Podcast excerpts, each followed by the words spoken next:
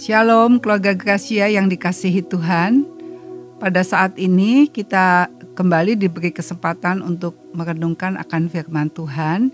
Karena itu mari kita manfaatkan waktu ini dengan baik dan kita boleh menerima berkat-berkat yang Tuhan sudah sediakan bagi kita semua.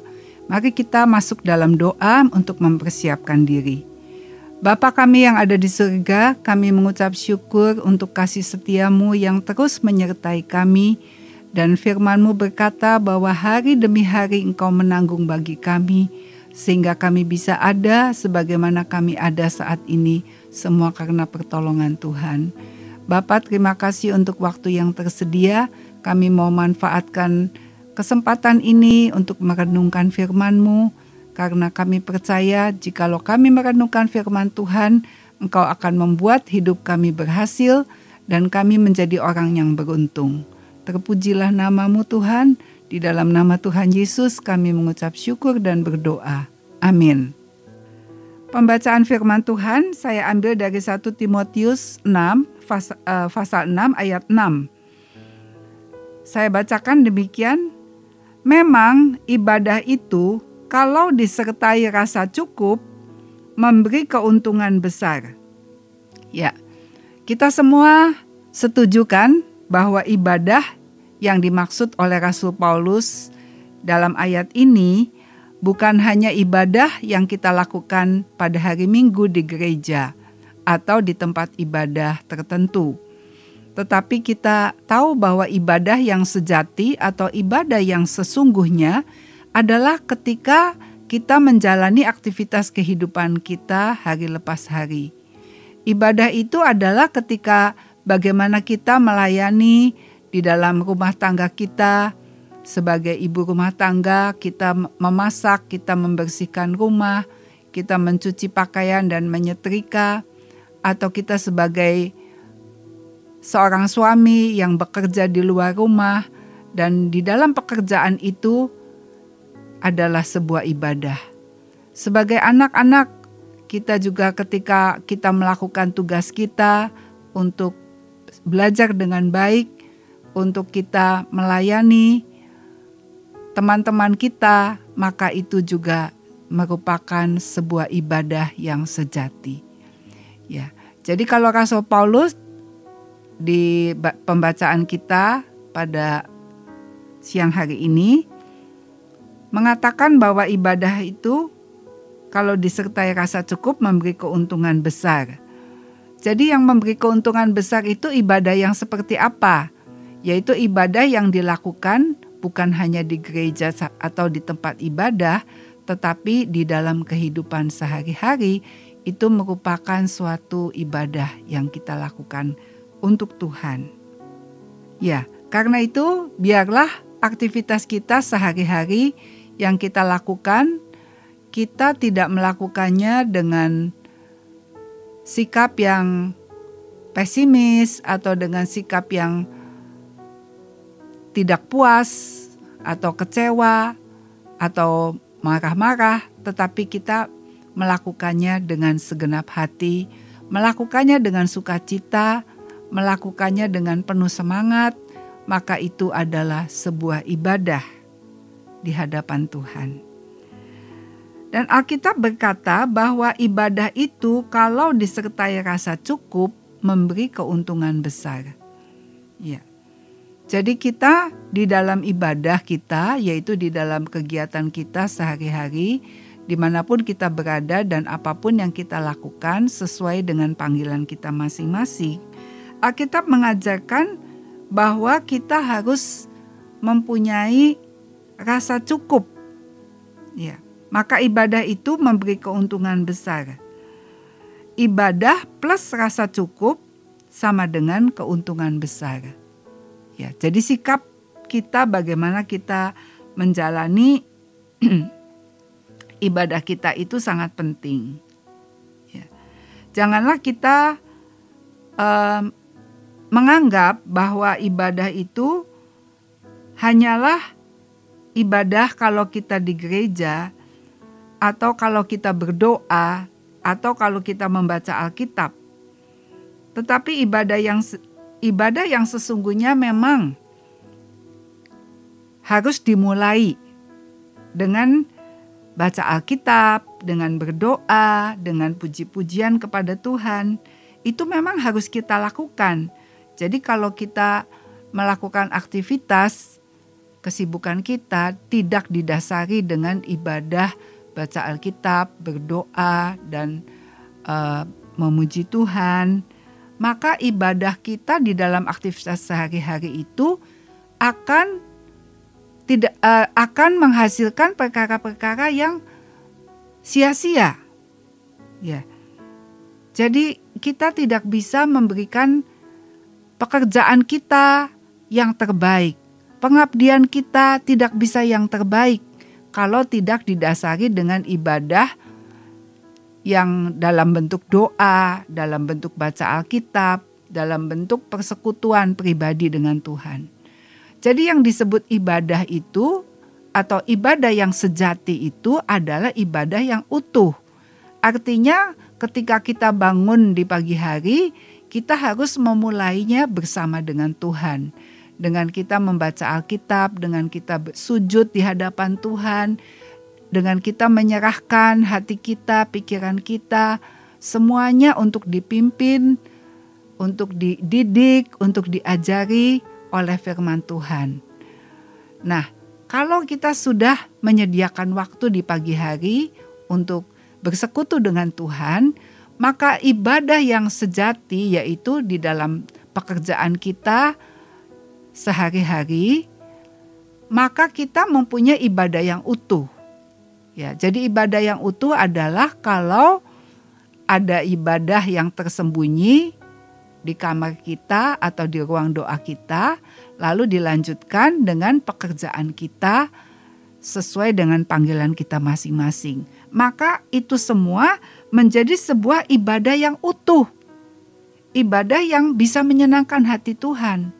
Kalau ibadah kita hanya merupakan doa, baca Alkitab, tanpa kita mau melakukan tugas sehari-hari, maka e, ibadah kita tidak utuh.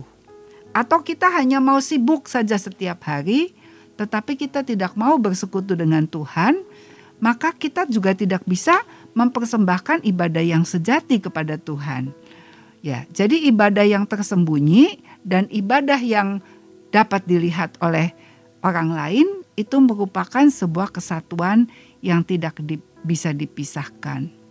Jadi ibadah yang nyata dalam bentuk praktek ya, bukan cuma teori saja.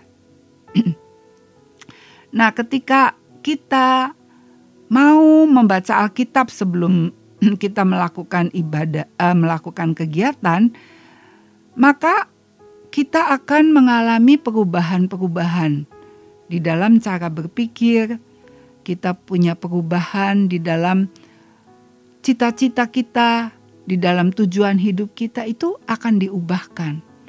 Semula kita hanya mementingkan diri sendiri, hanya memikirkan kesenangan sendiri, tetapi ketika kita mempunyai ibadah yang tersembunyi, maka hidup kita akan berubah, karakter kita akan berubah, perkataan kita dari negatif menjadi positif. Ya. Jadi ketika kita melakukan ibadah yang tersembunyi, di sana Tuhan bekerja mengubah karakter kita, mengubah cara berpikir kita. Sehingga dengan cara berpikir yang sudah diubah oleh firman Tuhan, itu akan memudahkan kita untuk mengalami pembentukan karakter. Untuk karakter Kristus itu terbentuk di dalam ibadah yang nyata, yaitu kegiatan kita sehari-hari. Ya.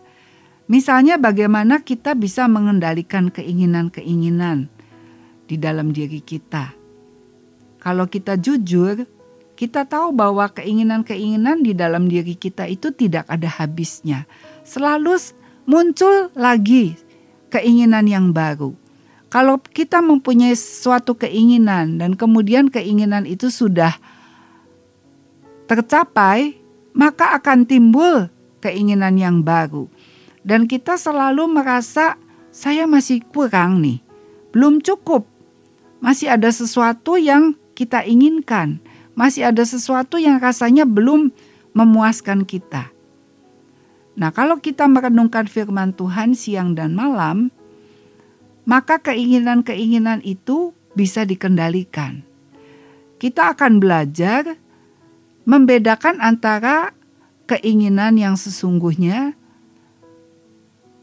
keinginan-keinginan yang keluar dari hawa nafsu, atau keinginan karena memang butuh. Ya, itu sangat berbeda. Nah, salah satu yang diajar oleh firman Tuhan melalui Rasul Paulus adalah kita harus belajar memiliki rasa cukup. Ya. Kita sebagai manusia kalau membiarkan diri kita dikuasai oleh keinginan kita, maka kita tidak pernah mengerti yang namanya rasa cukup. Karena keinginan itu setiap hari tumbuh lagi, ada lagi, sudah dipuaskan, sudah diberi, ada lagi yang kita inginkan. Dan kita cenderung untuk memberi, untuk selalu punya keinginan-keinginan yang tidak ada habis-habisnya. Sedangkan firman Tuhan berkata memang ibadah itu kalau disertai rasa cukup, memberi keuntungan besar. Karena itu pada saat ini kita mau belajar supaya kita tuh menjadi orang yang memiliki rasa cukup. Rasa cukup itu adalah sebuah sikap hati yang merasa bersyukur dan sudah cukup dengan apa yang ada. Ya. Rasa cukup itu bukan perasaan secara fisik. Misalnya eh, saya makan dan sudah perutnya sudah kenyang, lalu di situ kita merasa cukup. Bukan seperti itu. Bukan seperti itu saja maksudnya. Tetapi rasa cukup yang dimaksud oleh Rasul Paulus adalah sebuah sikap hati yang bisa merasa puas itu dengan apa yang kita miliki, dengan apa yang Tuhan sediakan. Itu kita bisa bersyukur dan kita merasa cukup gitu. Kita tidak membiarkan hawa nafsu itu terus uh, meletup-letup menimbulkan keinginan-keinginan yang baru dalam diri kita. Ya. Jadi rasa cukup itu sebenarnya relatif ya. Artinya dalam diri setiap orang mempunyai rasa cukup yang berbeda. Ukurannya itu bisa hawa nafsu atau ukuran firman Tuhan. Firman Tuhan berkata, asal ada makanan dan pakaian itu cukup kata kata firman Tuhan. Rasul Paulus berkata begitu.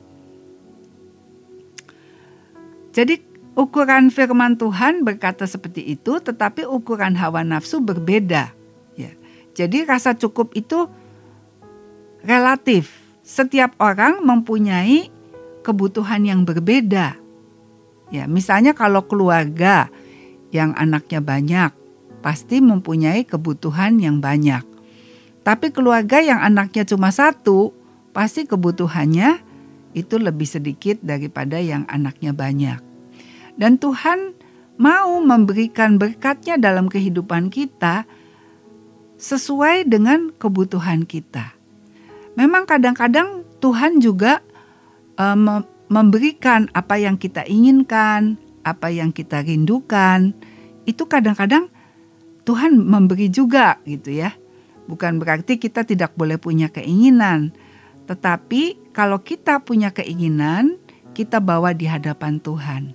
Apakah keinginan kita itu boleh tidak untuk dipenuhi? Ya, kalau Tuhan bilang boleh, kita akan menunggu sampai Tuhan buka jalan. Tetapi kalau Tuhan bilang tidak boleh, berarti kita harus bersyukur dengan apa yang ada.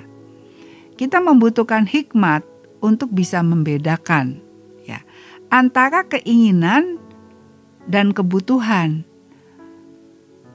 Tidak salah kalau kita menginginkan sesuatu dan mendoakan apa yang kita butuhkan.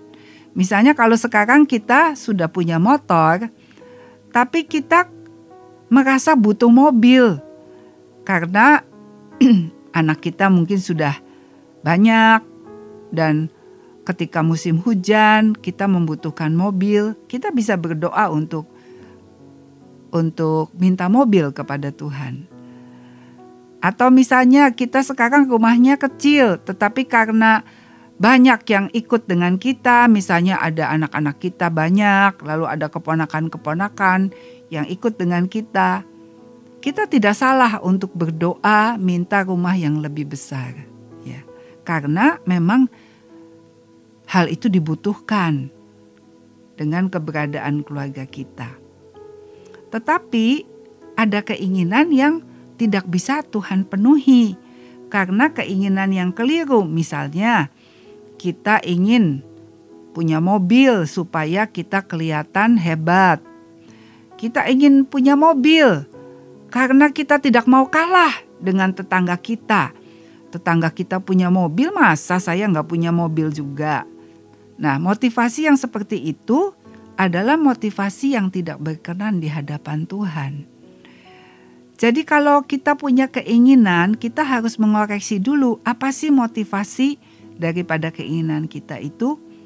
Kalau keinginannya karena kesombongan dan karena tidak mau kalah dengan orang lain, maka kita harus membereskan dulu supaya motivasi itu jangan dibiarkan menguasai hidup kita. Melainkan kita harus menguasai diri dengan pikiran bahwa kita itu merasa cukup belajar bersyukur dengan apa yang Tuhan sediakan. Belajar menghitung berkat Tuhan, apa yang Tuhan sudah berikan dalam kehidupan kita. Sejak kita kecil sampai kita besar, dewasa sampai sekarang, hitung berkat Tuhan, maka kita akan penuh dengan rasa syukur. Dan kita juga mesti belajar menikmati apa yang ada, Misalnya kita kepengen makan ayam goreng. Tetapi ayam goreng itu tidak ada di atas meja. Ayam goreng itu masih ada di rumah makan yang menjualnya. Yang di, ada di atas meja adalah orek tempe misalnya.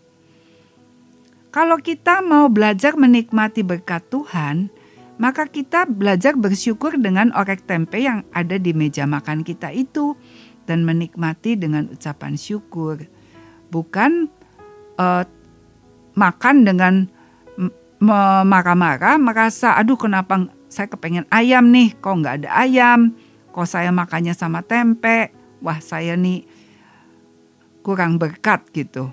Kita kurang bersyukur.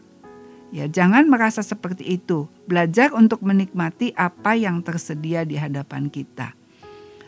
Kalau kita merasa masih kurang, maka hati kita menjadi galau dan kita tidak bisa menikmati apa yang tersedia di atas meja itu. Tapi kalau hati kita bisa mensyukuri akan berkat Tuhan, maka kita bisa merasakan bahwa apa yang kita makan itu penuh dengan kenikmatan. Karena apa yang Tuhan sediakan itu dibubuhi berkat.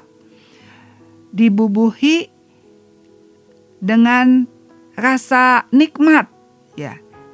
Itu adalah keuntungan ya. Rasa cukup itu memberi keuntungan yang besar kata Rasul Paulus. Jadi kalau kita bisa menghargai berkat yang Tuhan sediakan kita bisa menghargai apa yang orang berikan kepada kita maka kita akan bisa mempunyai kenikmatan dan itulah keuntungan yang besar di dalam kehidupan kita. Jadi sikap hati itu sangat penting. Ya. Apa yang tersedia bisa menjadi kenikmatan kalau sikap hati kita penuh dengan rasa syukur. Tetapi apa yang tersedia itu bisa menjadi sesuatu alasan untuk kita marah, untuk kita kecewa, kalau kita berpikir kok kenapa nggak begini ya?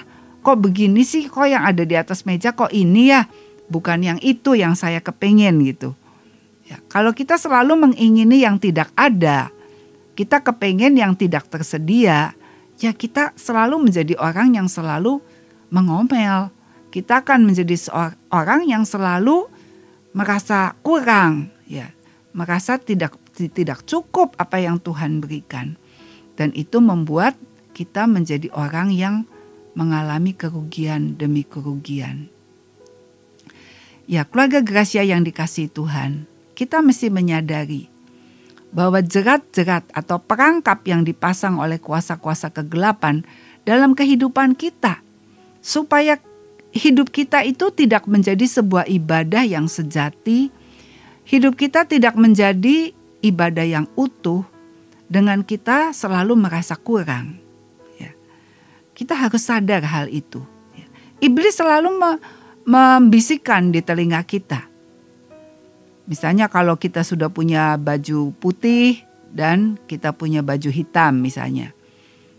Sebenarnya kalau mau dipakai sudah cukup gitu. Tapi iblis bilang, kamu belum punya kan baju merah kan? Makanya kamu tuh belum cukup apa yang kamu punya. Lalu kita mulai berpikir, oh iya ya, saya belum punya baju merah. Jadi kita berusaha untuk punya baju merah. Lalu setelah itu iblis ngebisikin lagi, kamu kan belum punya baju yang warna kuning kan? Kamu belum punya yang kembang-kembang, kamu belum punya yang kotak-kotak, kamu belum punya celana yang model baru tuh yang seperti begini-begini-begini yang zaman now itu. Ya. Kita selalu dibisikin seperti itu oleh kuasa-kuasa kegelapan sampai kita merasa hidup kita itu belum cukup gitu. Kita belum bisa bersyukur karena masih kurang ini, masih kurang itu. Apalagi kalau kita membandingkan diri sama orang lain ya. Iblis juga suka bisik-bisik, itu lihat teman kamu yang baru kerja kemarin dia sudah punya A, B, C, D. Kamu belum punya loh. Lalu kita merasa iya ya, saya ini belum cukup. Saya masih kepingin ini, saya kepingin itu. Belum lagi kalau kita membaca iklan, ya. kita memba membaca majalah misalnya, di situ ada tawaran-tawaran. Kalau kamu pakai produk ini, maka kamu akan kelihatan cantik. Kalau kamu pakai produk ini, pasti orang-orang akan suka sama kamu. Pasti orang-orang itu akan memperhatikan kamu, dan orang-orang itu akan menghargai kamu kamu akan dihormati kalau kamu memakai tas yang mereknya seperti ini. Ya. Tadinya kita merasa hidup kita sudah cukup, kita merasa bersyukur, tetapi waktu kita membaca iklan tertentu dan iklan itu mengatakan kalau kamu pakai tas ini, orang akan menghormati kamu. Tiba-tiba rasa cukup itu berubah. Lalu kita merasa oh ya saya belum cukup, saya belum punya yang itu. Saya kepingin memiliki barang itu, saya kepingin memiliki benda itu. Terus kita dijerat dengan keinginan-keinginan dan kita terus mengat, e, berpikir iya ya saya belum menikmati makan di di situ saya belum menikmati kalau e, punya kekasih saya belum menikmati di, dikatakan I love you oleh seseorang. Ya, saya belum pernah mencoba naik pesawat. Ya, teman-teman saya sudah naik pesawat. Saya belum pernah merasakan seperti apa ya naik pesawat. Saya belum pernah keluar kota. Saya selama ini di Cirebon terus. Wah, saya masih kalah nih, saya masih kurang dibandingkan teman-teman saya. Eh, di rumahmu kan belum ada kulkas ya. Jadi, iya ya orang lain punya kulkas, di rumah saya kok belum. Atau ada suara bilang, kamu belum seperti itu loh saudaramu. Kamu belum seperti sepupumu. Ya terus kita disodor-sodorkan perkara-perkara yang membuat kita terus merasa saya ini belum cukup. Berkat Tuhan itu belum cukup buat saya. Karena itu, keluarga Gracia, kita harus waspada terhadap suara-suara seperti itu. Kalau kita memang merasa saya kok belum cukup ya, belum punya ini, belum punya itu, tidak ada salahnya kalau kita bawa semua kerinduan-kerinduan hati kita di hadapan Tuhan dan kita tetap berpegang kepada firman Tuhan yang menjadi penuntun supaya kita berjalan dengan sikap hati yang benar. Sebab kalau sikap hati benar, kita benar, maka kita akan merasakan damai, sukacita, kita penuh bersyukur. Kita penuh dengan rasa syukur ya. Kita belajar mempunyai batasan-batasan. Buat hidup saya, menurut firman Tuhan batasannya di mana? Kita harus tahu dan kita harus belajar batasan yang Tuhan tentukan untuk saya di mana. Belajar untuk hidup dalam pimpinan Tuhan, bukan belajar hidup dalam hawa nafsu. Karena kalau kita belajar menikmati apa yang ada, kita belajar menikmati apa yang kita sudah punya, ya, bukannya ingin yang belum ada, ingin yang masih belum punya, ingin yang masih dalam khayalan-khayalan, lalu kita berpikir, oh ya kalau saya punya ini yang saya khayalkan ini, wah pasti saya bahagia.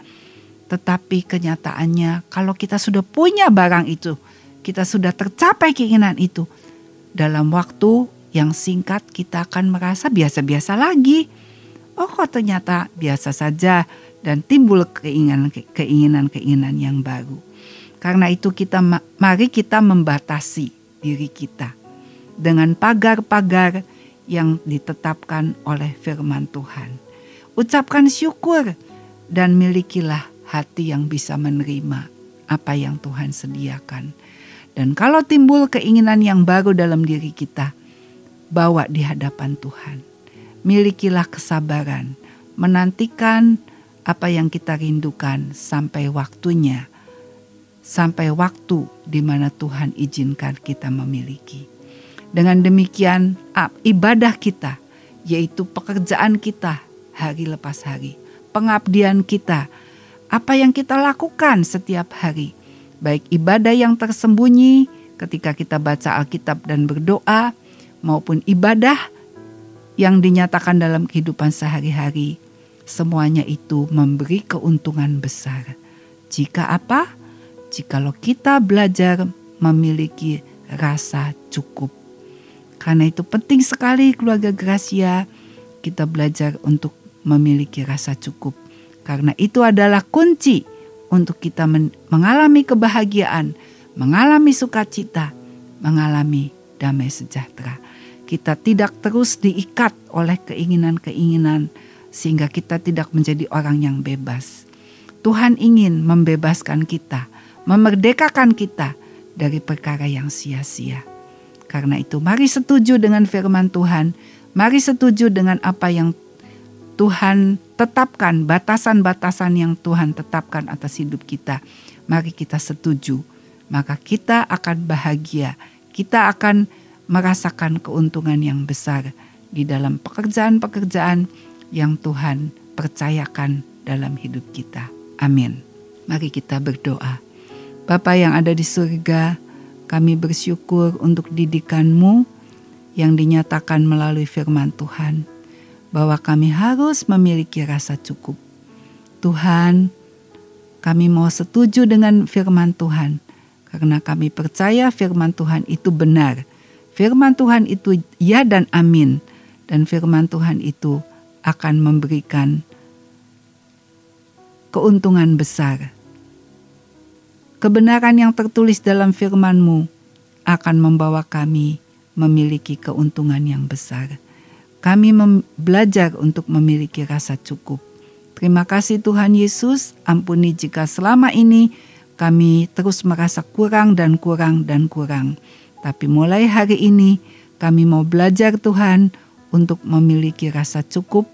Kami rindu hidup kami bisa memuliakan nama Tuhan. Kami rindu hidup kami menjadi berkat buat orang lain. Bapak kami berdoa buat kota kami Cirebon, biarlah sayapmu menaungi akan kota kami. Ada damai sejahtera yang Tuhan berikan buat penduduk kota ini. Ada kecukupan yang engkau berikan. Segala apa yang menjadi kebutuhan daripada penduduk kota ini engkau yang sediakan Tuhan. Kami doakan bangsa dan negara kami. Kami doakan Bapak Presiden Jokowi yang saat ini mempunyai misi untuk perdamaian antara perang Ukraina dengan Rusia, kami berdoa Tuhan, biarlah Bapak Jokowi dimampukan untuk membawa misi untuk pendamaian karena kami tahu Tuhan bahwa perdamaian antara kedua negara ini merupakan perdamaian untuk seluruh dunia. Terima kasih Tuhan Yesus, terpujilah namamu. Kami juga berdoa buat kebutuhan keluarga kami masing-masing. Tuhan bukakan pintu berkatmu sehingga kami tidak ada yang kekurangan. Dan kami terus belajar untuk memiliki rasa cukup. Terpujilah namamu, di dalam nama Tuhan Yesus Kristus kami naikkan doa dan syukur kami siang hari ini. Haleluya, amin.